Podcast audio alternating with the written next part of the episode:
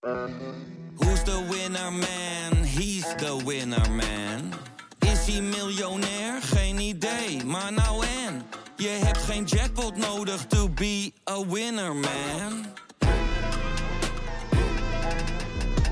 Oh oké, dat is wel lekker man. Hoi luisteraar, wij zijn Hugo, Max en Leon van de Grote Podcastlas. Wij zijn drie geografen en elke week behandelen wij een ander land. We bespreken onder andere de geschiedenis, politiek, natuur, maar ook de sport, de muziek en natuurlijk het eten. De nijlpaarden van Pablo Escobar, de vele bunkers van Albanië en het verschil tussen een sheik en een emir zijn zomaar wat voorbeelden die langskomen. Maar we bespreken ook de geopolitieke invloed van China in Afrika en de impact van het Europese kolonialisme. Luister dus wekelijks naar de audioversie van de Atlas, de Grote Podcastlas.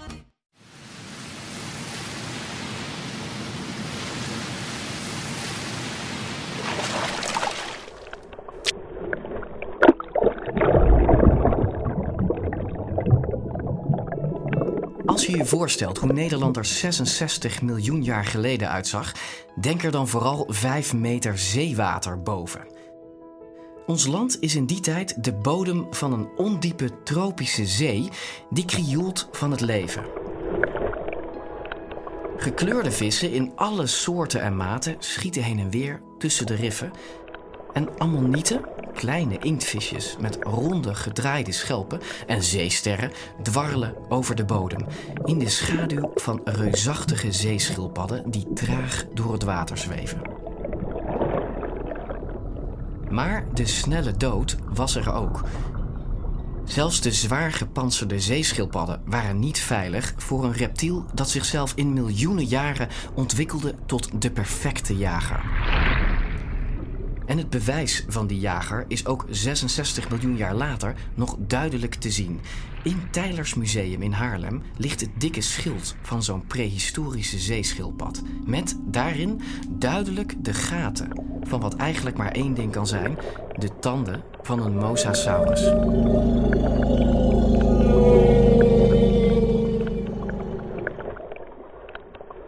Maarten, we gaan naar de Mosa, oké? Ja. We blijven dus ehm, onder water deze week. Het goede nieuws is ehm, dat we verblijven vandaag in de ondiepe subtropische wateren van, eh, van Nederland. Ja, kun je je voorstellen, dat moet toen ook een hele opwarming zijn geweest. Voordat het hier subtropisch werd natuurlijk. Ja, Want het is wel leuk voor de luisteraars om te weten dat er allerlei periodes zijn geweest in het bestaan van de planeet. dat hij een stuk warmer was dan hij nu is. ja, maar echt een stuk warmer. En ook periodes dat hij een stuk kouder was dan hij nu is. Ja, maar in het, in, in het krijt waren er bijvoorbeeld vrijwel geen ijskappen, als ik me goed herinner. Er zijn periodes geweest dat er helemaal geen ijs was. Precies, en dit was er dus een. En, en het- waterlevel stond dus ook zo hoog dat, dat Nederland, zeg maar... Wij hadden toen zo'n vijf meter water.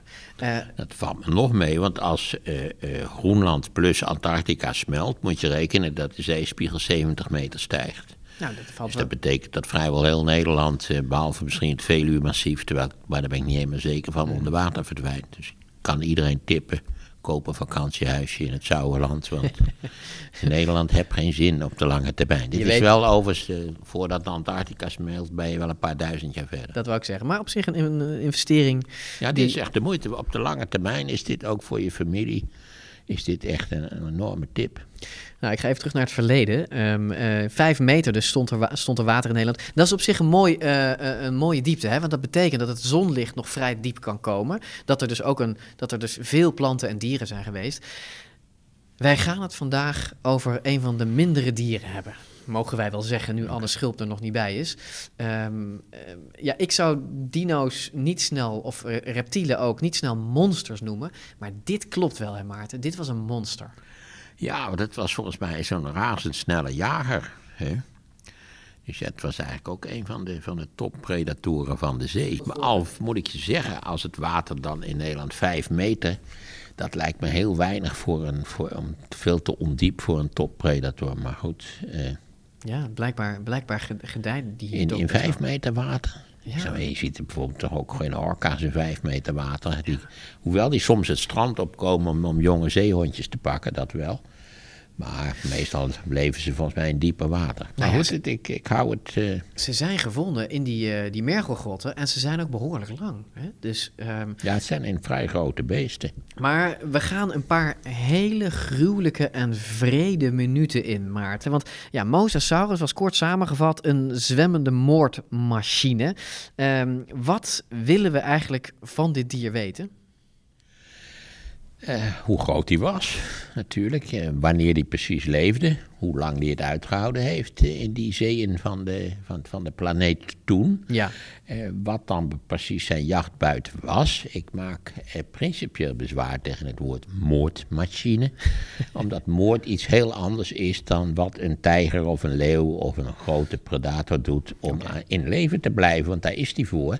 En we weten allemaal dat ze een hele nuttige evolutionaire functie hebben. Want meestal grijpen ze dieren die verzwakt zijn of jongen. Nou ja, gaan ze maar door. Dus kijk, moord is een typisch menselijk begrip. Namelijk dat je zonder eigenlijk een dringende noodzaak, nou, nou goed, daar kun je over gaan twisten, iemand, iemand of iets om het leven brengt. ja het dat- heeft iets met voorbedachte radenachtigs, bedoel jij eigenlijk, hè? ja, maar Deze, deze dieren waren gebouwd op, op het eten van andere dieren. Dat kun je ze moeilijk verwijten. Je kunt ze voor een rechtbank bij je volkomen kansloos als de mosasaurus daadwerkelijk eh, verschijnt voor Ja. het gerecht. Nou ja, ik heb het ook dan ook niet over het karakter van het dier, maar wel over de bouw van het dier. Want we gaan zien dat alles, alles, alles in deze, eh dit Maar noem, je, noem een orka ook een moordmachine? Wacht maar, tot, je gaat het zo horen. Dit is echt erg. Ik, ik vind orka's leuk. Ik vind orka's... Orka's zijn babypoesjes vergeleken bij de Nou, mosasaurus. ik, ik wens je toe dat je, dat je niet eh, met een orka direct in het water kon, in contact komt. Wij gaan, het zo, wij gaan het zo zien. Ehm, de mosasaurus heeft ook een beetje een Nederlands tintje, hè, want de allereerste is hier inderdaad gevonden. Volgens mij, we hebben ooit een, een schoolreisje gemaakt, denk vijfde klas gymnasium, naar een kasteel Rijkholt geheten, Dat was vast in het zuiden van het land dan. in Zuid-Limburg. En toen hebben wij die krijtgrotten bezocht en hebben wij van alles over de mosasaurus gehoord in die tijd. Ja, want dat is de plek waar die dieren vandaan komen. En we hebben mazzel, hè? want vriend van de podcast, bekendste paleontoloog van, van Nederland, Anne Schulp, die is zo ongeveer verliefd op dit dier. Mosasaurus is zijn eh, favoriet. Wat ook wel weer wat zegt over de vrede natuur die, ehm, die, eh, onze- die diep in Anne Schulp huist, is mijn eh, bescheiden mening. Ja, daar zou je hem niet voor aanzien, moet ik nee, zeggen. nee, toch? Hij ziet er zo schattig ja, uit. echt. een- Maar ehm, ehm, de allereerste gevonden mosasaurus ter wereld, die ligt in het Nederlands museum, misschien wel jouw lievelingsmuseum, Maarten, Tijlers. Daar ligt die. Tijders is geweldig, omdat Tijders natuurlijk in allerlei opzichten beantwoordt aan het, aan het ideaalbeeld van een museum. Tijders, eh, daar wordt van alles tentoongesteld. Er zijn fossielen, er zijn elektriseermachines, er zijn twee Ja. prachtige schilderijenzalen waar de schilderijen ook ontzettend leuk zijn opgehangen. Namelijk in drie lagen boven elkaar. Ja. Dat je niet dat gekloot krijgt van zo'n enorme, volkomen witte zaal met een brandblusser en nog drie eh, unieke kunstvoorwerpen Hier zijn erin. de muren bedekt met schilderijen. Precies, je hebt, je hebt echt wat te zien. Er staat een bank in het midden waarop je in slaap kunt vallen. Het is, het is ongelooflijk.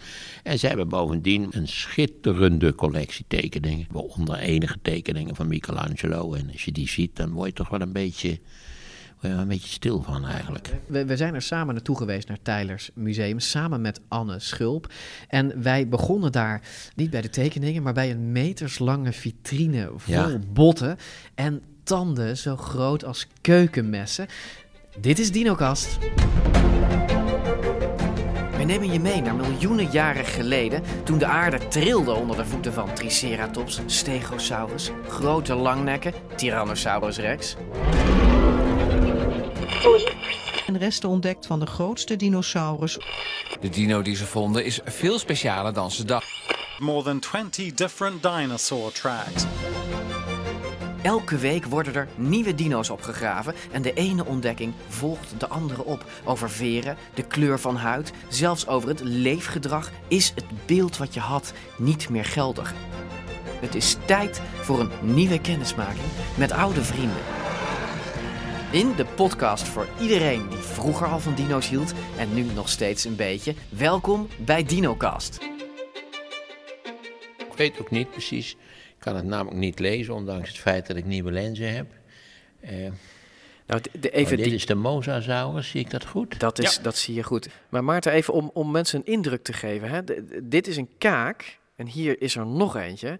Die is zeker een meter lang. En er zitten, er zitten tanden in, ter grootte van, nou ja, onze, onze, Ja, ja, het zijn, onze zulke, het vingers. zijn zulke tanden. Ja. hè. Kleine plaatjes. Eh, als je nou ziet hoe dit uit elkaar ligt, dit is evident de bek met, met een paar hele fijne tanden. Dat moet je wel zeggen. Dus dit waren rovers, dat kan niet anders. Eh, dan moet het enorm ingewikkeld zijn om vanuit deze restanten uiteindelijk dus een beest te bouwen. Dan moet je ook wel een vaag idee hebben hoe die dieren mogelijkerwijs in elkaar hebben gezeten. Want als je dat niet hebt, dan lijkt het mij praktisch onmogelijk om een soort reconstructie te maken. En hoe, hoe, hoe groot was die ongeveer? Moeten we Nou, ons dit, daarbij is, eh, dit, is voorstellen? een, dit is een vrij fors exemplaar. Ik schat dat dit eh, beest bij elkaar ergens tussen de 12 en de 14 meter uitkwam. Een soort van Van grote orka. Ja, een, eh, eh, de allergrootste. We kennen nog wel een paar hele grote tanden, een paar andere voorbeelden. eh, die erop wijzen dat ze zelfs nog groter werden. zijn schattingen tot ruim 17 meter. Eh, 17 meter. Jongen, jongen, dat is een stuk Dat langer zwom dan en mijn zwom, woonkamer. Ja, en dat Dat zwom hier rond aan het einde van het krijt. Want, Want dit is hoe- hoeveel meter is het, van, is het van hier tot het eind van de vitrine voor de, Nou, voor de kijkers? Weet je, ik, zal ik het eens even meten? moeten we even Momentje, uitstappen. momentje. Hij past denk ik, mijn inschatting is dat hij hier net, eh, daar gaat hij, kijk eens, N- nou eens.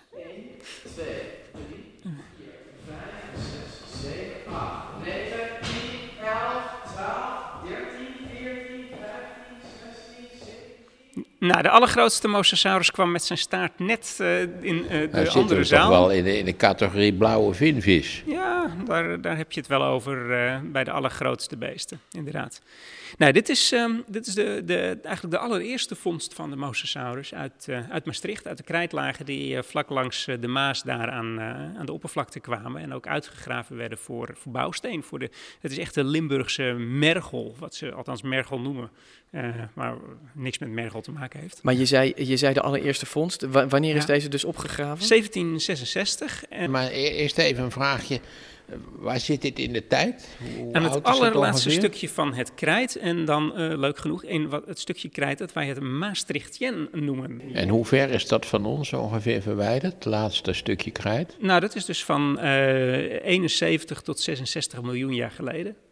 Dus uit de tijd dat op het land in Amerika de T-Rex eh, leefde, zwom eh, hier in Nederland eh, boven Maastricht de Mosasaurus rond in zee. Die vergelijking van Anne die is helemaal niet raar. Zoals Tyrannosaurus rex heerste over de vlaktes van Noord-Amerika, was de Mosasaurus oppermachtig in de wereldzeeën. Met zijn komst was de heerschappij van die twee andere zeereptielen hè, uit de vorige aflevering, de Ichthyosaurus en de Plesiosaurus, die was voorgoed voorbij. De mosasaurussen die zitten eigenlijk in de groep waar we nu nog de slangen en de hagedissen van kennen. Maar het verhaal van de mosasaurus dat begint een pak bij het 100 miljoen jaar geleden. En in de laatste dik 30 miljoen jaar van het krijt is dit het grote succesverhaal in de zee. En aan het einde van het krijt hebben die mosasaurussen, reuze zeereptielen eigenlijk, eh, de alle belangrijke plekjes bovenaan de voedselketen in eh, vrijwel alle ecosystemen wereldwijd in de oceanen hebben ze ingenomen. De, de, de, de, langnekzeereptielen eh, grotendeels weggeconcureerd. De grote haaien zijn weggepest. Ja, je vindt ze wereldwijd. En hij had, ehm, hij had geen vinnen, hè? hij heeft eigenlijk een soort van poten. Ja, flippers. Maar die flippers die zijn niet zo heel erg groot. En we- er staat daar in de vitrine een mooi stukje van een paar staartwervels die nog bij elkaar zitten. Dan zie je al die uitsteeksels op een rij zitten. En dat geeft ook echt aan wat een grote vinder op eh, die staart zit voor de aandrijving. Want en dat- die flippers, ja, die zijn niet zo heel erg fors. En er zit ook die schoudergordel. Dat is ook niet om over naar huis te schrijven, zo'n stukje bot. Dus er zitten ook... Nou, ze, zwommen dus met, die, met dit door, door in feite het staartgedeelte op Ja, en neer te gingen met die bewegen. staart, eh, dat was de aandrijving, en die flippers een beetje om bij te sturen. En ja, dat natuurlijk allemaal om die bek op de juiste plek te krijgen, namelijk waar wat te eten is. Wat, wat at hij dan? Wat at Nou, deze? met zo'n gebit, dit is natuurlijk eigenlijk gewoon een, een, een soort van T-rex van de zee die je hier ziet liggen. Ehm, en met nog een paar akelige verrassingen. Want je ziet hier, dit is de onderkaak waar we tegenaan kijken, de linker onderkaak. Maar je ziet daar een soort van naad lopen. Dat is niet een breuk, dat is de, een, een extra scharnier. Dus er zit een extra scharnier in die onderkaak. En dat is iets, en dat hebben die beesten met de, met de, met de slangen gemeen. Want in, in een slang die zo je dik is, zo daar kan zo'n ja, daar kan zo'n rat in. Ja. Of, of zo'n biggetje. Ja. Ehm, en, en dat past omdat er zo'n bij slangen eh, en ook die voorkant, die onderkaak, die zit aan de voorkant niet aan elkaar vast. Dus dit kan open, die onderkaak die kan een soort van zaagbeweging maken. Er zit er achterin nog een extra bot, waardoor die hele onderkaak ook nog heen en weer kan. Er zit in de bovenkant van de schedel, dat noemen we een kinetische schedel, nog een set extra scharnieren bij sommige exemplaren. Ja, had ik dat waardoor ook ook nog zeg. een. Ja, nog meer koekjes eten. ja, en, en kaak nummer 5 en kaak nummer 6. Hè. Wij hebben dus linksonder en rechtsonder en linksboven en rechtsonder een kaak. Bij Mosasaurus zat er achter in de bek nog twee extra kaken... die ook nog eens met weerhaaktandjes onafhankelijk van de rest konden bewegen. Maar moet ik dat dan zo zien dat ik, dat ik in mijn geheel ver ga hier? verhaal, daar heb je dus nog twee extra rijen met weerhaaktanden... waarmee je de tegenstribbelende prooi nog even verder naar binnen kan werken. En hij kon die, die kaak, hij kon die dus uitschuiven. Ja, uitschuiven en zagen en, en knippen. En, Verschrikkelijk. Ja, dit is... eh, Maar ik begrijp, je had grote, je had kleine, je, had, je had alle mogelijke. Ja, van weer de bekende meter, diversiteit. meter, met eh, alle vormen van specialisatie van tanden. Van bottenkrakers tot eh, sushi-snijders, tot eh schelpenmorzelaars, tot, een, tot hele kleine zaagtandjes aan toe. En alles ertussenin. De meest fantastische, ehm, eh, de meest fantastische aanpassingen. Ja, vertelt Anne, enthousiast. Ik vind het vooral een huiveringwekkend idee. Monsters zo groot als walvissen met de uitschuifbare kaken van een slang en extra kaken in zijn gehemelte. Maar goed, Maarten knippert niet eens en wil gewoon weten of ze eieren leggen. Maar ook dat loopt uit op een vreed verhaal. Maar deze beesten levendbarend, of niet? Je denkt dat dit soort eh, reptielen, dat dat eieren leggen. Ja, daarom. Maar daarom is natuurlijk de vraag, hoe doen ze het? Hè? Ja, nou we hebben dus eh, sinds kort, eh, kijk je hebt natuurlijk een groot probleem als je als, je als landdier teruggaat naar zee. Dan heb je voor je voortplanting natuurlijk wel een uitdaging, want je bent een voorouders, het zijn doorgaans eierleggende reptielen. We zien bij heel veel hagedisachtigen, eh, bij slangen, bij hagedissen, dat de, die stap gemaakt is naar levendbarendheid. En dat zien we ook bij de mosasaurus. We kennen nu uit eh, Texas onder andere voorbeelden van fossielen, waar we inderdaad de jonge mosasaurusjes nog gewoon in de buik eh, zien zitten. Dus deze zijn echt levendbarend geworden. En dat is ook wel logisch als je kijkt naar de bouw van die vinnen. Dat was een ontzettend gedoe om met die pootjes natuurlijk het land op te kriebelen en, en dan daar nog een Maar ook een, ook een kleintje moet al vrij aan- aanzienlijke afmetingen hebben gehad. En dus waarschijnlijk ook heel weinig jongen. Je krijgt, Ja. dat, je krijgt niet Ja. 16 van die beesten tegelijkertijd. Nee, absoluut niet. Want, want die fossielen die zijn gevonden met jongen, dat was, daar zat er dan één jongen in of twee? Ja, Of- nou ja, je moet altijd, het is altijd een beetje tricky, want als je daar jonkjes in ziet zitten, dan als ze fijn gekoud zijn, dan heb je, en wat verder voorin zitten, dan heb je doorgaans wat meer aanwijzingen die op, op meer naar cannibalisme ruiken, of pedofagie, zoals dat dan heel mooi Oké. heet, kindertjes vreten, cannibalistische pedofagen. Oké. Ehm, als ze wat verder naar achter zitten en nog keurig netjes in elkaar zitten en niet in tweeën gehapt zijn, dan is het verhaal natuurlijk heel anders. En Maar ze eigenlijk ze vragen ook elkaar op, begrijp ik. ja, nou, en daar hebben we nu in Angola weer echt, echt vreselijke voorbeelden van gevonden. We hebben daar een, een, een, eh, een middelgrote mosasaurus en er zitten eh, drie verschillende soorten andere, de twee andere soorten en één soortgenoot mosasaurus, kleiner, in stukjes geknipt en aangetast door maagzuur in, eh, op de juiste plek in de buik. Mijn god. Dus dat is geen, Wat dat gek, is geen, gek. eh, Meestal, eh, levenbare. Meestal eh, eten die soorten niet eh, zichzelf op, zal ik maar zeggen. Nee, maar goed, als je. Ik, ik denk niet dat daar heel veel. eh, dat ze daar heel kieskeurig in geweest zijn. eh. Mosasaurussen waren dus cannibalistische pedofagen. Kindeters. Nou, fijn begrip. Maar al is dit reptiel een kindeter, het is wel onze kindeter. Want de eerste resten van dit monster werden ontdekt in een Nederlandse mergelgroeve bij Maastricht. Al in 1766. Stel je voor dat je in het licht van je fakkel een enorme kaak uit de rotswand ziet steken. En dat is wat er gebeurde. En dat is de kaak waar we nu in Tylers Museum naar staan te kijken. Nu weten we natuurlijk ook wat het is. Maar vroeger wisten ze dat niet. Maar dit was natuurlijk een vondst uit 1766. En die werd opgegraven in de Sint-Pietersberg. En dat was natuurlijk iets wat helemaal in niets leek op wat, we, wat ze toen verder kenden. Wat dachten ze dat ze hadden opgegraven? Nou, deze arme beesten die zijn afwisselend uitgemaakt voor krokodil en voor een, een soort van potvis uh, on steroids. Ja, ik, ik en dus er is voor allebei ook wel wat te zeggen. Ik bedoel, je kunt er lacherig over doen, maar dat, is gewoon, dat, dat waren goede observaties. En wanneer kwamen ze nou achter in de loop van de 19e eeuw dat het dus helemaal geen potvissen waren of, of wat je dus nou, dat hebben we dus. Uh, maar dat ze dachten van dit moet toch iets zijn uit het verre verleden. En om die vraag te beantwoorden gaan we terug naar dat verre verleden, naar 1778. Want het reusachtige skelet waar we in Tylers Museum over gebogen staan, is dus de allereerste Mosasaurus ooit gevonden. Maar in de koude krijtgangen van de Sint-Pietersberg bij Maastricht werd er vlak na die eerste nog één gevonden. Een gigantische Mosa-schedel. En het is deze schedel die beroemd is geworden en waardoor ze uiteindelijk zijn gaan denken aan uitgestorven dieren. Het is ook een schedel waar veel verhalen aan kleven. En er is een 200 jaar oude tekening van die ontdekking. Er staat een donkere mijngang op, flakkerend verlicht door een fakkel die door een arbeider omhoog wordt gehouden. In het schaarse licht sjoren vier anderen aan een enorme kaak met grote tanden.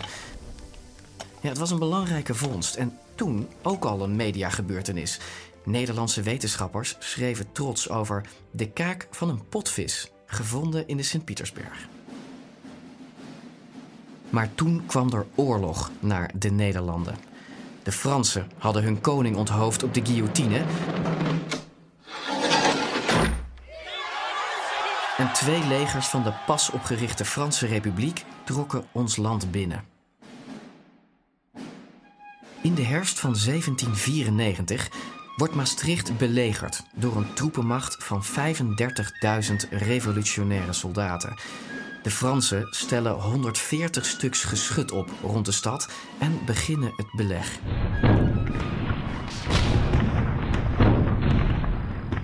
Branden breken uit en honderden huizen worden in puin geschoten. Na 45 dagen en hevige bombardementen geeft de stad zich over. En een van de eerste zaken die de Franse troepen zich toe-eigenen is, zoals zij het noemen, Le Grand Animal de Maastricht, het grote beest, de Mosasaurus.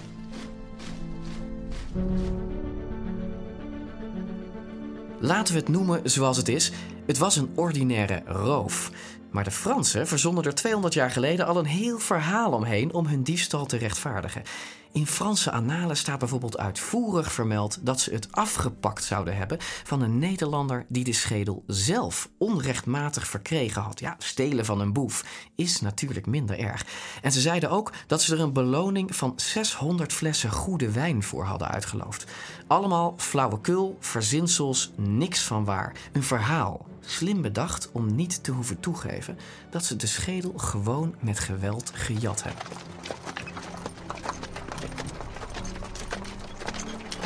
Onze Mosasaurus werd vervoerd naar het pas geopende Nationaal Historisch Museum in Parijs.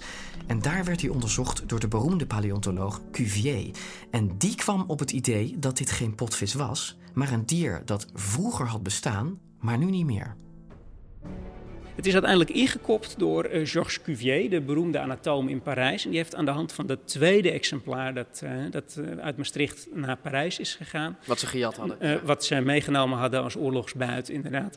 Um, heeft hij mede aan dat fossiel en een paar andere fossielen dat hele overkoepelende begrip van uitsterven geïntroduceerd. We hebben hier duidelijk te maken met een soort die in, in niets uh, lijkt op spul dat we nu nog kennen. Het moet echt iets anders zijn geweest. Dat we, en dat zouden we echt wel teruggevonden moeten hebben zo langzamerhand. Maar we hebben het niet gevonden. Dus moet dit iets nieuws en bijzonders zijn dat eerder geleefd heeft en uitgestorven is. En, daarmee ligt natuurlijk 51 jaar voor de Darwin de boel echt inkopt. Een van die ingrediënten voor de evolutietheorie, uh, die ligt daar klaar.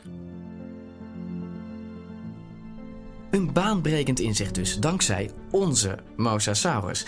En het laatste opvallende aan deze hele geschiedenis is dat Nederland dit fossiel nooit meer heeft teruggekregen. Tot op de dag van vandaag moeten we naar Parijs reizen om deze Mosa te zien. Het is wel geprobeerd door de Nederlandse regering en door Maastrichtenaar Maxime Verhagen, maar de Fransen geven geen krimp. Maarten en ik spraken Anne hier de afgelopen week nog even over. Via een, ja, een videoverbinding, dus excuses voor de geluidskwaliteit. Maar we kregen een discussie over de vraag: moeten we dat fossiel niet nogmaals terug gaan eisen? Ze hebben wel geprobeerd om hem terug te krijgen. Maar dat is zodanig gesaboteerd, begreep ik, dat dat nooit gebeurd is. Nederland is altijd daar geweest, ook, ook in die tijd. Ja, dat moeten we echt terug hebben, zou ik zeggen. Overigens, de vraag aan, aan Anne is natuurlijk hoe belangrijk is dat we hem terugkrijgen? Want ik begreep dat er diverse afgietsels waren die ook wel een aardig beeld gaven. Ja, willen we hem wel terug, Anne? Willen we hem wel terug? Nou, ik zou het, ik zou het niet erg vinden.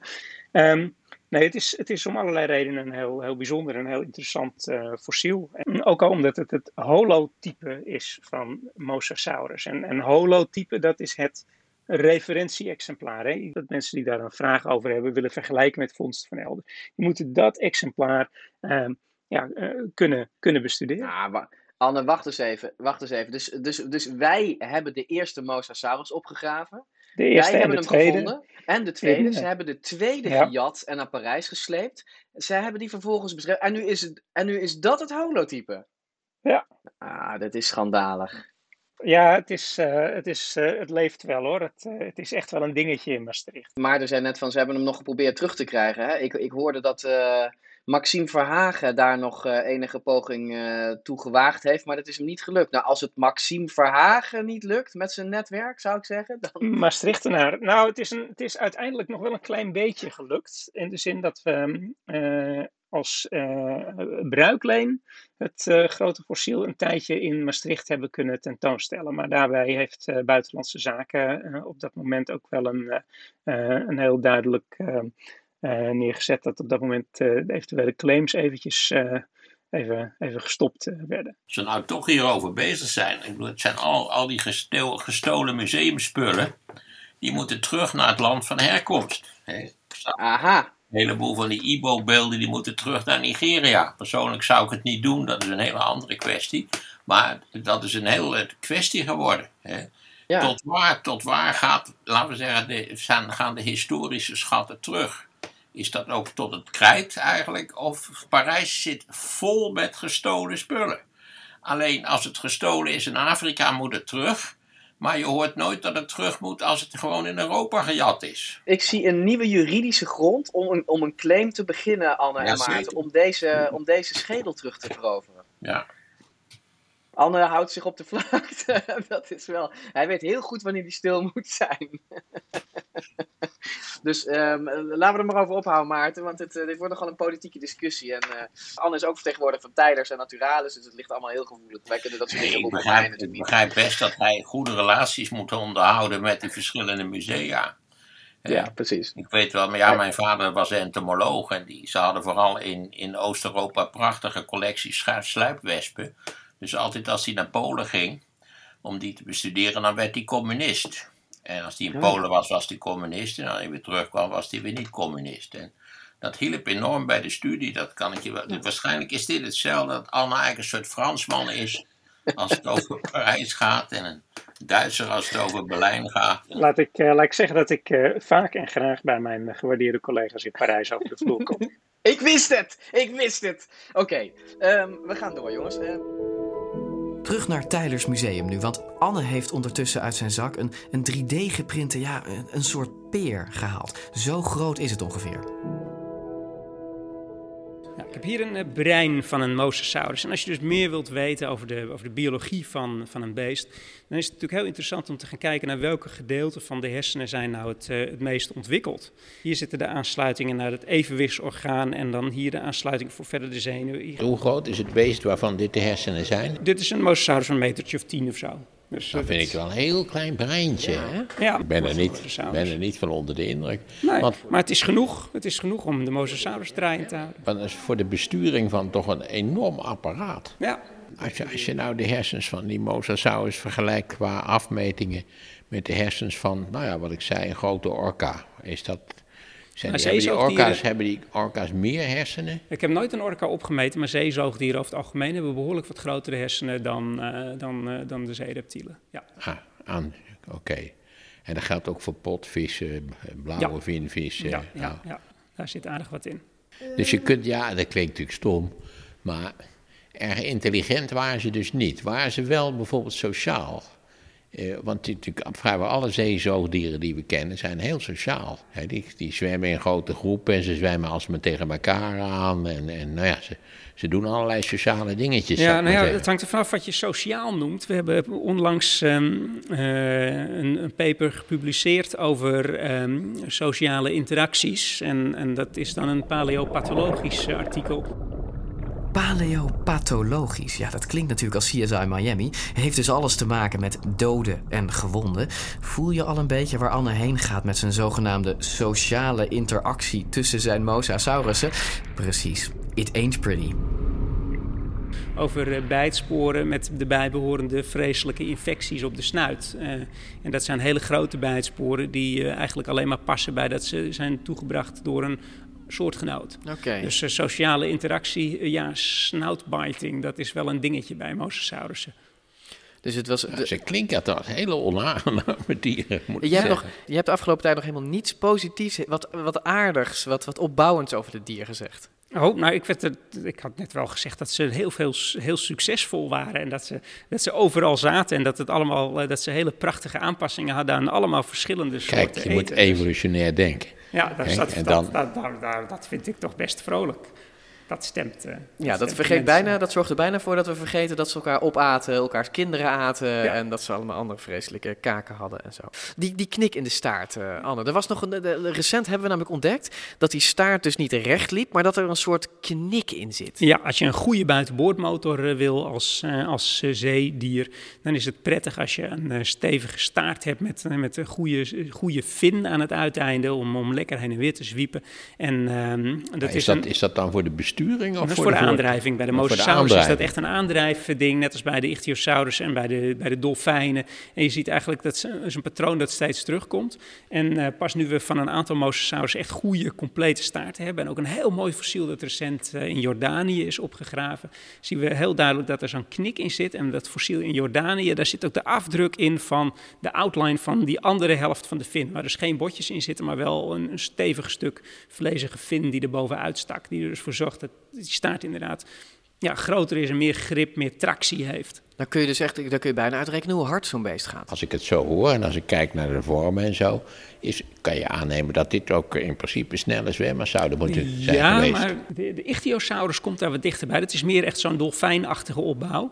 De mosasaurus is toch wat langer en kronkeliger. Dus, eh, en die heeft natuurlijk ook die flippers, die, nou, die zijn toch nog wel behoorlijk fors. Eh, die, zullen, die zullen die waarschijnlijk weggevouwen kunnen hebben, maar ook een rol hebben gehad in sturen en ja, bijsturen. flippers zijn eigenlijk niet Dus erg efficiënt. soms om- een beetje in de weg als je een torpedo bent. Maar het zou ontzettend leuk zijn als we daar eens wat meer sommetjes of mode- modelleerwerk of eh, proefjes mee zouden kunnen doen. Om eh, te kijken of het... Ja, eh, dat wordt, het wordt destijds voor Jurassic Park onder water, toch? Eh, nou, in die laatste Jurassic World, daar zit ook een, een afgrijzelijk overdreven mosasaurus. Die moest allemaal van die akelige dolfinariumachtige kunstjes doen in de Ja, grote... hij moest haaien ophappen en zo. Ja, en, en, en nou ja, dat raakt de kant, Ach, nog, raakt de kant nog wel Wat in. is het toch jammer dat de mensen eigenlijk alleen geïnteresseerd zijn als het allemaal gruwelijk en Ja. eh, eh, bijterig en bloederig en moordzuchtig is. Ja. Maar het is, een, het is een heel wonderlijke kijk eigenlijk eh, op de evolutie en, en wat die evolutie heeft opgeleverd. Ja, dat mag zo zijn, maar het zorgde er wel voor dat je bent blijven luisteren, toch? Uiteindelijk maakte de inslag van een meteoriet 66 miljoen jaar geleden een einde aan een groot deel van het leven op aarde. Het leven op land, maar dus ook het leven in zee? Nou ja, we weten dat een groot deel van die dinosauriërs verdwenen is vanwege die inslag. Ja.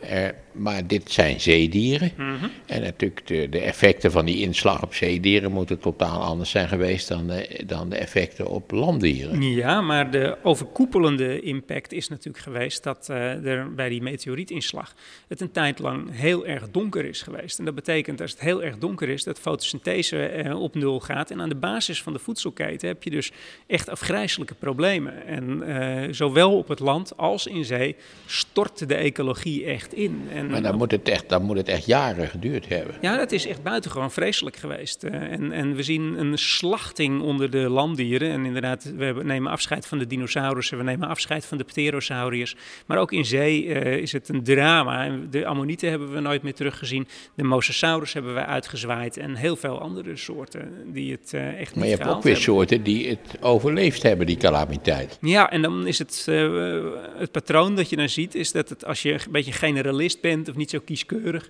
of niet zo, eh, niet zo op één dingetje toegespitst bent, eh, als je winterslaap kunt houden, of als je op eh, maden die op rottende rotzooi, Ah, nou ja, als je dat maar- knabbelt, dat soort, dat soort dingen, of Zeg als je koudbloedig bent en je metabolisme gewoon een tijd lang op nul kunt zetten. Dat soort grappen heb je echt nodig om zo'n nucleaire Zeg winter- maar het kakkerlakmodel. de kakkerlak, ja, het zijn de kakkerlakken die, maar de mosasaurussen die hebben we nooit meer teruggezien.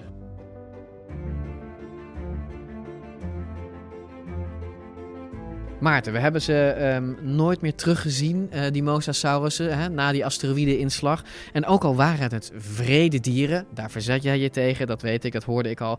Het is toch zonde dat we ze kwijt zijn, die mosasaurussen.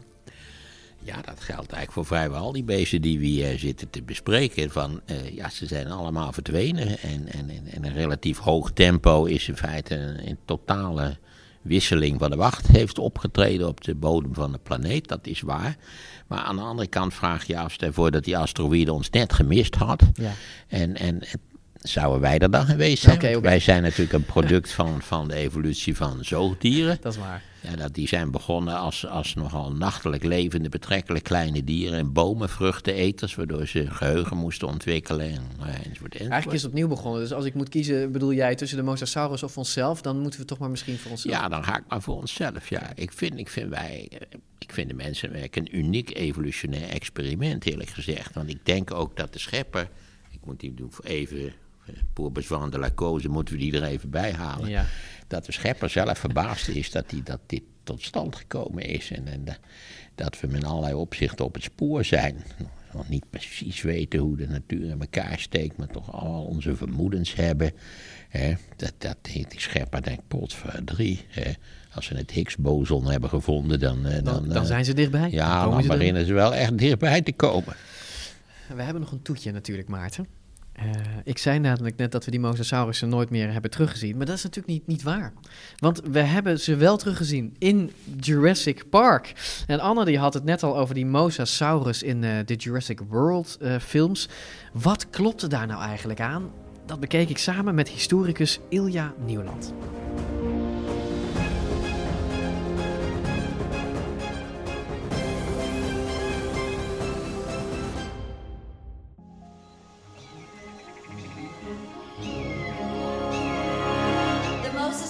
Was thought to have hunted near the surface of the water where it preyed on anything it could sink its teeth into, including turtles, large fish, even smaller mosasaurs.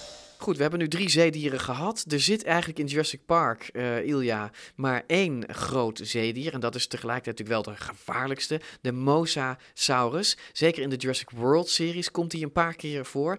En eh, laten we eens beoordelen hoe die is weergegeven. Want er zitten goede en slechte dingen aan, hè? De globale vorm van het dier klopt wel. Hij is alleen wel een beetje aan de, aan de grote kant.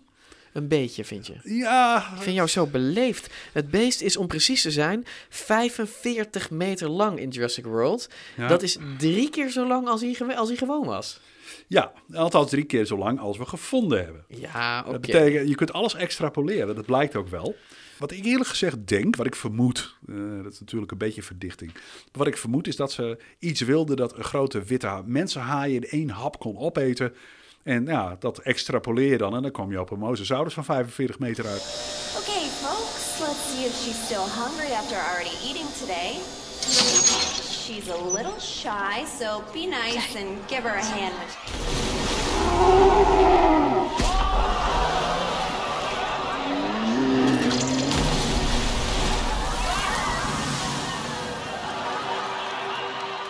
Ziet er ook wel prachtig indrukwekkend uit. Wat, wat, wat wel goed gedaan is, is dat ze het beest twee tandenrijen heeft. Als Ja. je zijn bek openspert, dan zie je dat daar binnen in zijn gehemelte nog extra tandjes zitten. Hè? Ja, Dat klopt. Dat, heeft, dat he- hebben de fossielen ook.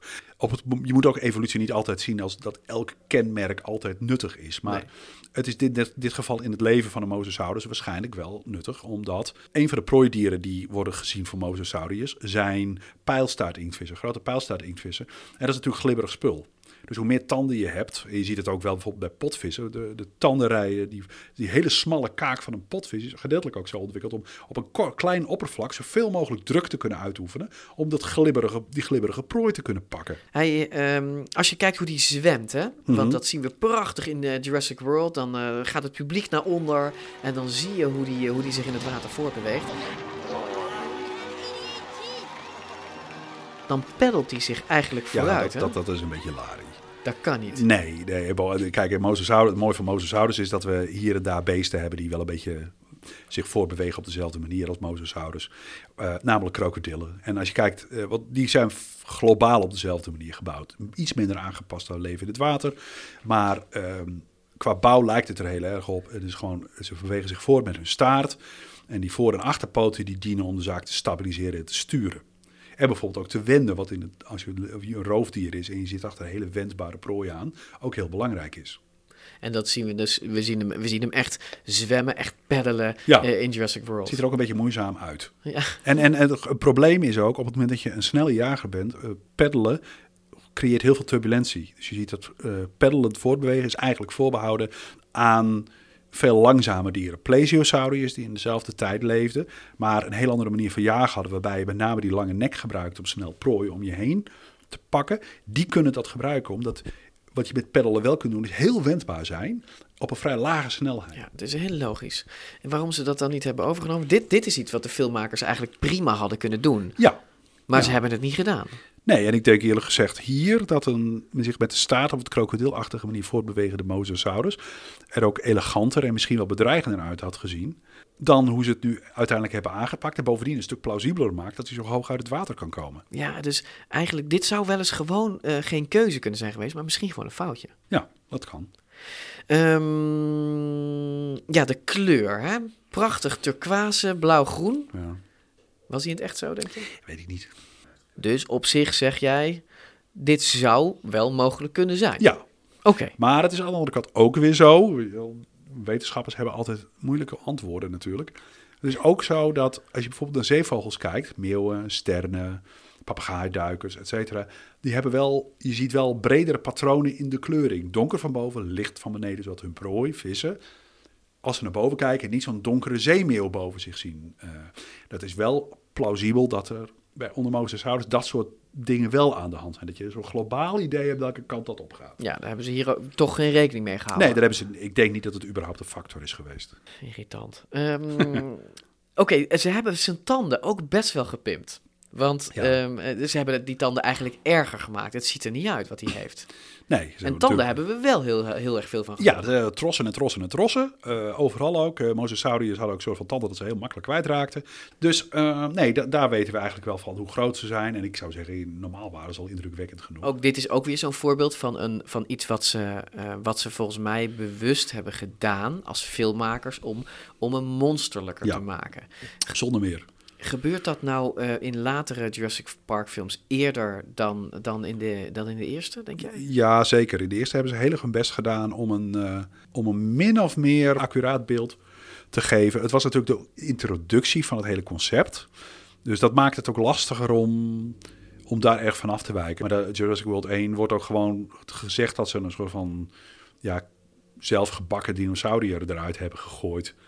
Eh, met, met DNA-splicing. Dus ja, ehm, daarmee, daarmee houdt eigenlijk elke pretentie om, om wetenschappelijk accuraat te zijn natuurlijk ook op. Je hebt Ja. gewoon iets gekookt. Ze gaan zelf creëren. Daarmee gaat voor mij de interesse er een beetje af. Want ik ben op zich niet geïnteresseerd in iets wat ze totaal... Dan krijg je een soort Godzilla. Hè? Ze maken een Ja. soort Godzilla's. Dat, dat is wat Ja, ze, wat ze ik doen. zie het ook nog wel aankomen dat we nog een Godzilla meets Jurassic World film gaan krijgen op enig punt.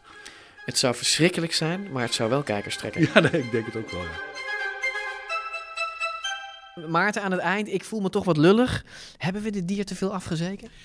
Ja, dat denk ik wel. Omdat eh, we- ja, we hebben voortdurend geprojecteerd en we hebben ons eigenlijk voortdurend schuldig gemaakt aan wat me vaak enorm irriteert in, in natuurfilmpjes op de televisie. Deels voor kinderen bestemd, en we die altijd de toon hebben van dit is de verschrikkelijkste spin ter wereld. Met het gif van deze enkele spin, de zwarte weduwe, is het mogelijk om de ganse bevolking van Utrecht, druppelsgewijs, om het leven te brengen. Ja. Dat, en dat is, ik, ik begrijp wel dat is om de boel op te jutten en om het interessant te maken. Toegankelijkheid, maar het, Maarten. het, het Zo- een- zo noemen we dat. Het is een fundamenteel verkeerde kijk op de natuur. Cannibalistische pedofagen. Weet je nog dat Anne zei dat ze zelfs hun eigen kinderen aten? Daar, daar hadden we het over. Nou ja, kijk, dat zijn wel overlevers natuurlijk. Hè? Ja, precies. Nou, daar gaan we Ik, het nou, kan het zijn dat ze, je weet dat als, als leeuwen, die, die zijn natuurlijk, eh, weet het, die hebben, er zijn veel vrouwtjes en weinig mannetjes. En, eh, En als het, het, leidende mannetje dat vervangen wordt door een nieuw mannetje, dan worden alle kinderen doodgebeten van het vorige mannetje. Dus ja, dat is evolutie. Wij vinden dat nou geen zo'n, niet zo'n sympathiek gebaar. Maar wij, wij weten dat ook eh, geadopteerde kinderen en zo eh, toch weer anders behandeld worden dan eh, eigen kinderen. Ik, het woord cannibalistische pedofagen zal nooit meer hetzelfde zijn. Nee, nee, nee, nee. Ik, ben daar ook, ik heb wel bezwaar tegen deze menselijke projecties in de, in de wereld van de Sorry daarvoor. Maar ik, eh, ik, ik kan me er niet van afzetten. Dat komt ook een beetje door die, door die bek. Hè? De- hij kon uit elkaar klappen. eh, hij kon zagen. Hij kon, hij kon alles wat een bek moet kunnen. Hij kon, dit is de meest geavanceerde bek waar ik ooit over heb gehoord. Dan heeft de later dus de evolutie allerlei kansen gemist om weer zo'n bek te ontwerpen, In als het ware. wel, ja. Misser. Goed, dit is natuurlijk geen monster. Even de kleine lettertjes dan. Dit is in essentie natuurlijk ook een prachtig dier. Toch, dat hoorde je, kreeg ik er een beetje de kriebels van. En in latere afleveringen, Maarten, gaan wij echt nog wel eens terugkomen op de meer positieve eigenschappen van andere, misschien kleinere soorten mosasaurussen. We hopen dat je fijn hebt geluisterd. En online op dinocast.nl kun je natuurlijk, zoals je gewend bent van ons, weer alles terugvinden waar we deze aflevering over hebben gepraat. Foto's van het Mosasaurus brein staan ook online, dus kijk dat vooral. En volg ons op Twitter en Instagram. Dit was DinoCast. Volgende week hebben we het. Ja, en ik weet nu al dat Maarten Zo, zich daar al zeg, weken ja. op heeft verheugd. Op Tyrannosaurus Op Rex. het hoogtepunt, Sofietje zelf. Jij haat dit dier, hè? Nou, ik haat het niet, maar het, het, het, het is natuurlijk een beetje typisch dat uit die enorm gevarieerde wereld van die dinosauriërs alleen die grote rover, waar trouwens allerlei verschillende types van, kleine rovers, grote rovers, opgroeiende Ja. eh, Tyrannosaurus rex, ook een heel interessant probleem. Dus ja, ik vind die aandacht wel wat overtrokken en ik zou het liever hebben dat, het, dat we het zoveel mogelijk in, in breed spectrum zouden benaderen, wat we ook wel hebben gedaan, toch? Ja, maar Maar dus- ik wist dat dit op te wachten is. Ja, dit stond op het menu. En we gaan er volgende week echt aan beginnen. Of Maarten dat nou wil of niet. Tot volgende week in DinoCast.